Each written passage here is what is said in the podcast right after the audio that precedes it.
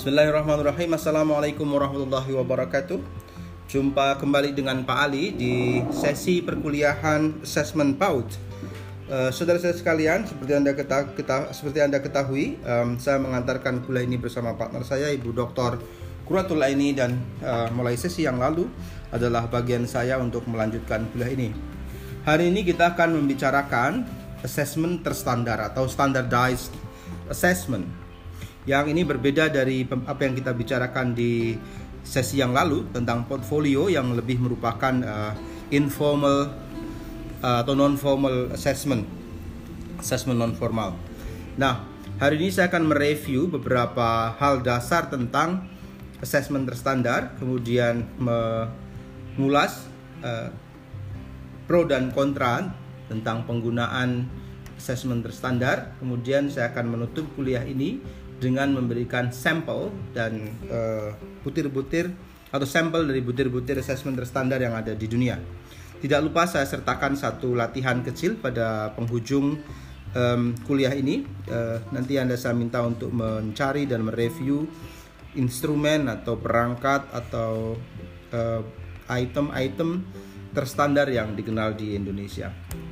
Baik saudara-saudara sekalian, saya akan memulai dengan beberapa pengertian dasar dari assessment terstandar ini. Kalau kita baca literatur, misalnya sebuah buku yang ditulis atau diterbitkan oleh Asosiasi Assessment Amerika yang berjudul Early Childhood Assessment Why, What, and How atau assessment dalam pendidikan anak usia dini atau assessment pada masa kanak-kanak untuk masa kanak-kanak dini mengapa, apa dan bagaimana itu kita menemukan bahwa uh, standardized assessment are used for at least three per, uh, for at least three purposes. Ada tiga tujuan yang apa namanya uh, ingin dicapai melalui uh, penggunaan assessment terstandar. Yang pertama adalah to identify disabilities. Uh, yang pertama adalah untuk mengidentifikasi atau menemukan adanya disabilitas atau apa bisa berarti kesulitan ya atau ketunaan ya. E, dari seorang anak misalnya atau dari peserta didik. Yang kedua e, dan me, me, me, determine program eligibility apakah sebuah program PAUD itu eligible berwenang atau memiliki ke, kewenangan untuk me, me, me, menjadi tempat belajar si anak ini. Kita misalnya mengenal sekolah inklusif tapi ini bukan berarti bahwa setiap sekolah punya kewenangan untuk mengambil peserta didik yang mengalami yang memiliki disabilitas atau difabilitas. Karena e, sekolah inklusif bukan soal dia menerima anak dengan disabilitas tapi dia mampu apa tidak. E, infrastrukturnya ramah ramah disabil disable apa tidak. Kemudian yang kedua to monitor and improve learning untuk memantau dan meningkatkan kualitas pembelajaran. Jadi dengan assessment terstandar ini tujuan yang kedua adalah untuk uh, me, memonitor atau memantau dan mengimprove atau me, meningkatkan kualitas pembelajaran. Dan yang ketiga adalah to further accountability untuk apa namanya mengajukan keakuntabilitas atau pertanggungjawaban. Nah ini tiga tiga uh, tujuan mengapa assessment terstandar itu digunakan. Kemudian ada orang namanya Dominic Gulo, seingat saya, Gulo ya. Eh, dia menulis, menulis buku tahun 2005. Dia menyebutkan ada sejumlah karakteristik dalam yang harus dipenuhi dalam uh, standar assessment atau standard standardized assessment atau uh, assessment terstandar. Yang pertama dia mestinya specifically state the purpose apa dia uh, mencantumkan ya tujuan assessmentnya itu apa? Jadi assessmentnya itu apa tujuannya? Apa yang apa tujuan dari sebuah instrumen? Apa yang dia ukur dan mengapa dia mengukur itu gitu.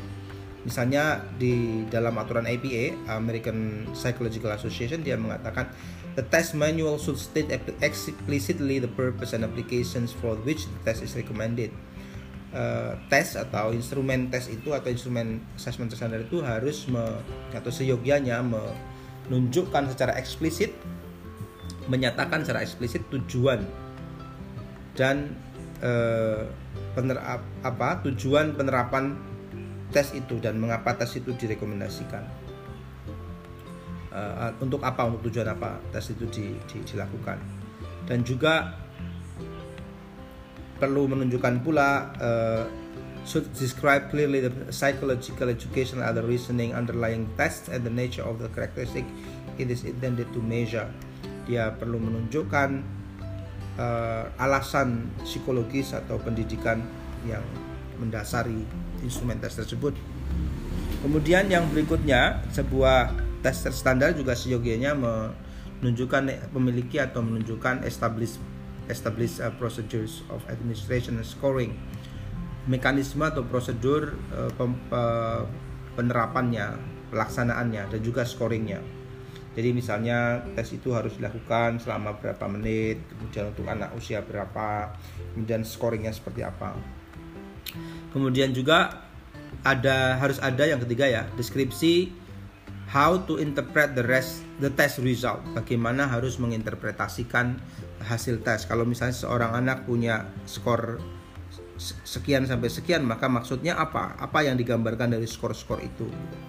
Kemudian dia juga harus mengakui the descriptions of the sample population on which the experimental version of the test was developed um, uh, ada ada dalam instrumen itu dinyatakan harus dinyatakan populasi mana atau kelompok masyarakat mana kelompok anak mana yang digunakan untuk menguji tes pada saat instrumen tes itu atau instrumen terstandar itu dibuat mula-mula. Misalnya ini diujikan di sekian ribu anak di kelas apa namanya di, dengan latar belakang sosial kultural seperti ini atau seperti itu misalnya. Nah ini kenapa perlu disampaikan karena untuk menghindari bias ya. Kemudian yang berikutnya uh, stated limitations of the test ya si instrumen itu juga perlu menyampaikan keterbatasan dari dari dirinya. Jadi dia tidak mengukur apa, dia mengukur X tapi mungkin dia tidak bisa mengukur Y. Maksudnya seperti itu. Nah, eh, oh ini terulang lagi ya. Kita akan lanjutkan. Eh, ada tip empat tipe setidaknya yang kita kenal ada tiga empat tipe assessment terstandar ya itu menurut Gulo lagi-lagi yang pertama adalah developmental screening test uh, ini sudah dibahas saya kira oleh Bu oleh Bu Bu, Bu Aini di tempo hari. Kira Anda sudah belajar dari beliau soal ini.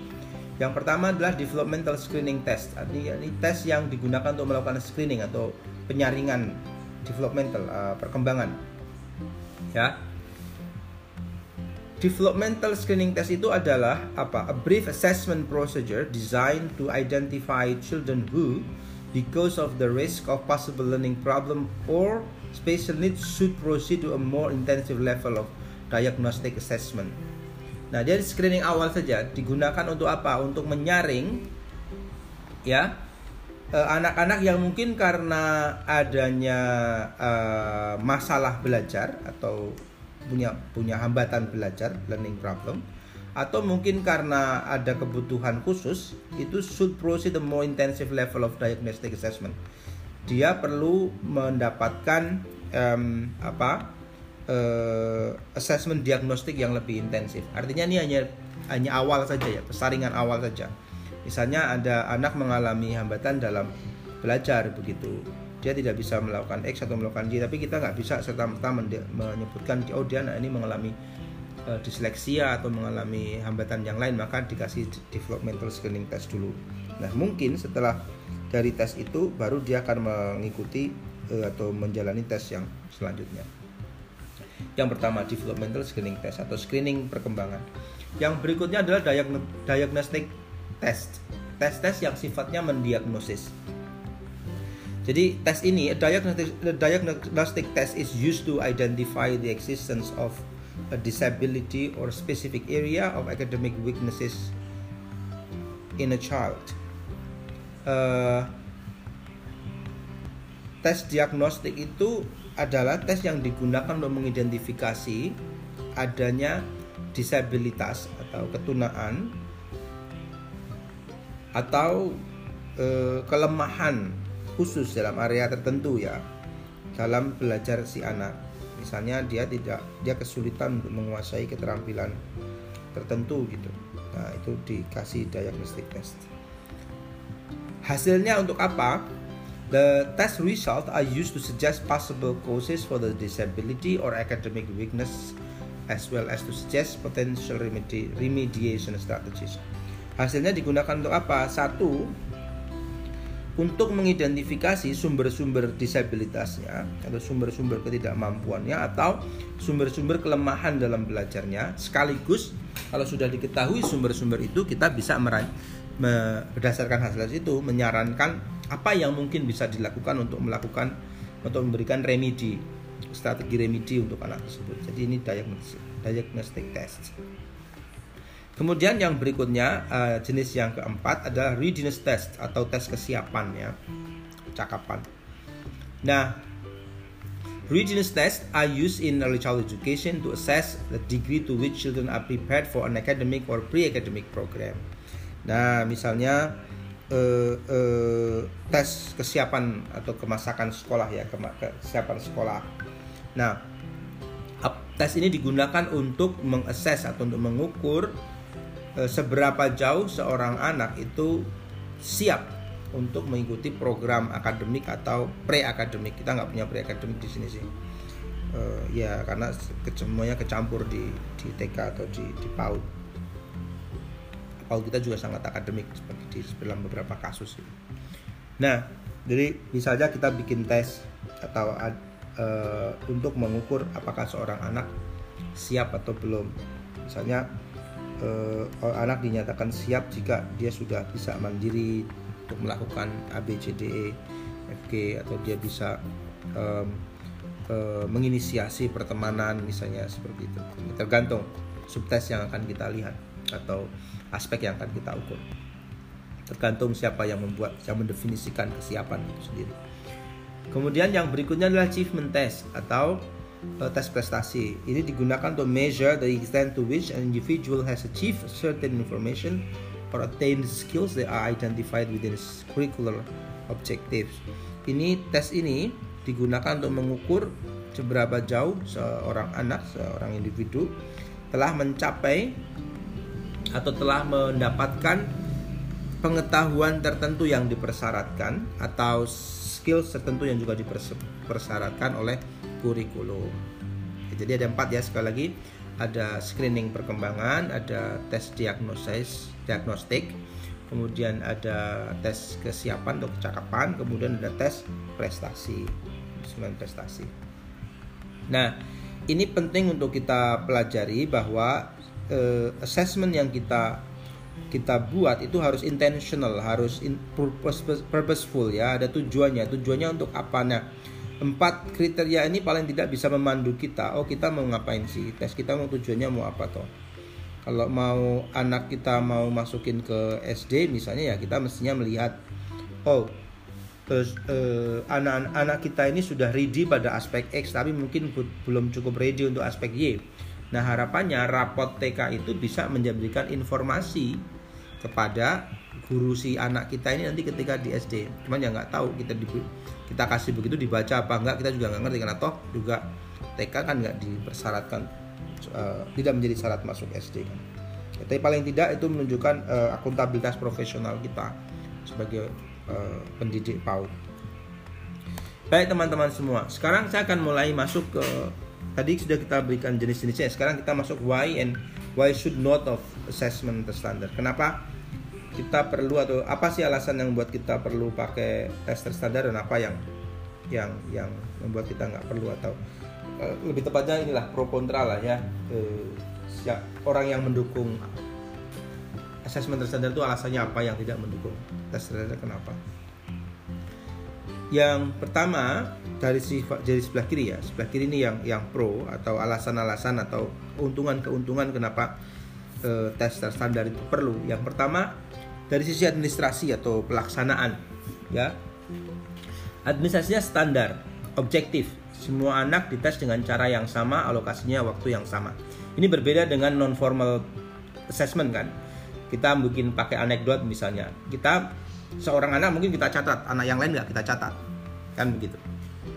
Atau mungkin bisa jadi sesuatu yang dilakukan seorang anak menjadi menarik untuk uh, untuk guru sementara ketika dilakukan anak lain tidak tidak menarik guru gitu. Nah, ya ketika kita menilai kekuatan anak itu dengan sumber yang berbeda dalam dalam dalam non formal assessment tapi dalam dalam tes dalam apa formal atau standardized assessment sama anak dari latar belakang apa pun akan dites dengan cara yang sama dengan alokasi waktu yang sama. Kemudian yang kedua, keuntungan yang kedua adalah artinya kemudian yang pertama tadi eh, karena kemudian cara pelaksananya standar sama serupa, kita bisa melakukan dalam satu waktu dan untuk dan menjangkau anak yang apa populasi anak yang banyak. Nah, itu seperti itu masif gitu ya, masal dan masif. Kemudian yang berikutnya adalah skornya berupa angka atau skor numerik Nah, skor kuantitatif itu lebih mudah digunakan dibandingkan dengan e, penilaian kuantitatif kualitatif. Anda lebih mudah mendapat mengatakan gimana anak itu itu 5, itu 4, itu 7, itu 8 daripada e, Anda membaca misalnya data kualitatif e, Wakijan sudah mampu melakukan gerakan-gerakan terkoordinasi dengan baik dia menangkap bola dan melemparkannya, memantulkannya ke lantai dan tembok dengan cara yang sangat baik dan durasinya lebih dari sekian menit misalnya begitu. Sementara yang lain tidak seperti itu gitu atau defin, uh, deskripsi untuk yang lain tidak seperti itu. Nah, Anda kesulitan untuk membandingkan misalnya antara si Wakijan dan si Thomas karena uh, deskripsi kualitatifnya itu punya kekuatan masing-masing. Nah, gitu. Kemudian yang berikutnya norma. Nah, dalam tes atau instrumen terstandar itu ada rujukan normanya. Misalnya tadi an, uh, kita lihat di, di di standar kita misalnya anak mampu berjalan di atas papan titian misalnya gitu atau anak anak mampu berdiri di atas satu kaki selama sekian menit. Nah, maka di di instrumennya mungkin Anda akan mengatakan anak mampu berdiri dalam waktu dengan satu kaki sekian menit. Anda tinggal men-skor. Kalau sekian kalau kurang dari sekian menit maka uh, skornya sekian, kalau lebih dari sekian menit maka skornya sekian. Nah, lagi-lagi ini juga juga juga mudah untuk membandingkan. Anda kemudian bisa membandingkan bagaimana performa anak-anak di di lembaga PAUD Anda misalnya dengan performa anak-anak PAUD secara nasional kalau misalnya datanya ada. Kita saya sih ragu kalau kita punya data semacam itu di tanah air ya. Kemudian yang berikutnya valid, lebih valid ya, lebih lebih apa? Lebih ya valid, kuat gitu ya. Karena di, di, dikembangkan berdasarkan standar tentu dia tidak apa namanya uh, tingkat biasnya rendah. Begitu juga reliable ada bisa diandalkan. Kemudian yang pada sisi lain assessment terstandar juga dianggap punya sejumlah kelemahan. Yang pertama eh, karena uh, administrasinya atau tata laksananya itu standar maka ada kemungkinan dia nggak peka dengan anak sebagai sebuah populasi eh, sebagai seorang individu. Jadi anak dianggap populasi gitu. Kelas itu dianggap populasi padahal mungkin tiap anak dalam kelas itu punya karakteristik yang berbeda-beda. Nah, artinya kemudian hasilnya juga tidak bisa menggambarkan anak secara individual. Kemudian yang berikutnya bias. Ya tadi bias. Secara kultur mungkin secara kultur bisa jadi bias. Apalagi di tempat kita ya anak-anak kita berasal dari e, pulau-pulau yang berbeda-beda. Sebuah instrumen yang dikembangkan di Jakarta misalnya gitu dan diuji di e, anak-anak di Jakarta mungkin bisa jadi bias diinterpretasikan secara berbeda oleh anak-anak di kawasan e, lain di Jawa atau di kawasan timur misalnya di kawasan lain. Anak yang berbicara dengan bahasa yang berbeda atau dididik dengan cara yang berbeda. Nah kemudian yang berikutnya juga ini ada kritik juga bahwa tes terstandar acap kali tidak apa e, tidak mencerminkan kurikulum dan pendekatan belajar masa kini. Misalnya di pembelajaran masa kini itu kan anak-anak dituntut kreatif ya. Artinya mungkin e, anak berkembang dengan cara-cara yang berbeda-beda di di di apa di acuan tes terstandar misalnya keterampilan tertentu dianggap penting padahal di kurikulum kita sudah tidak dianggap penting lagi atau di di di di proses pembelajaran yang as yang yang nyata di lapangan hal itu tidak dianggap penting lagi. Ya itu pro dan kontra atau uh, disadvantages and disadvantages of uh, assess standardized assessment. Nah, ini terakhir saya akan berikan dua sampel saja di sini, tapi satu yang kita review uh, sampel instrumen assessment terstandar. Ada instrumen yang namanya YCI, uh, Yale Yale Children's Inventory. Yale's Children Inventory Y A L E Children's Inventory Skills. Nah dia mengakses mengakses um, apa namanya satu dua tiga empat lima enam tujuh delapan. Delapan aspek yaitu ada akademik bahasa fine motor ability. Fine motor itu motorik halus activity aktivitas attention perhatian inner dispositional impulsivity impu, uh, apa ya kecenderungan untuk impulsif kemudian dari dalam diri kemudian ada outer behavioral impulsivity uh, apa namanya uh, kecenderungan untuk impulsif menunjukkan uh, apa namanya sikap impulsif kemudian kendak disorder apa uh, gangguan perilaku. Ada juga instrumen lain yang namanya the behavior assessment system for children BASC eh, edisi 2 ini mengakses ada berapa ini? 1 2 3 4 5 6 7 8 9 10 11 12 13 14 15 16 16 aspek. Nah tapi yang kedua ini nggak nggak nggak nggak nggak saya review hari ini.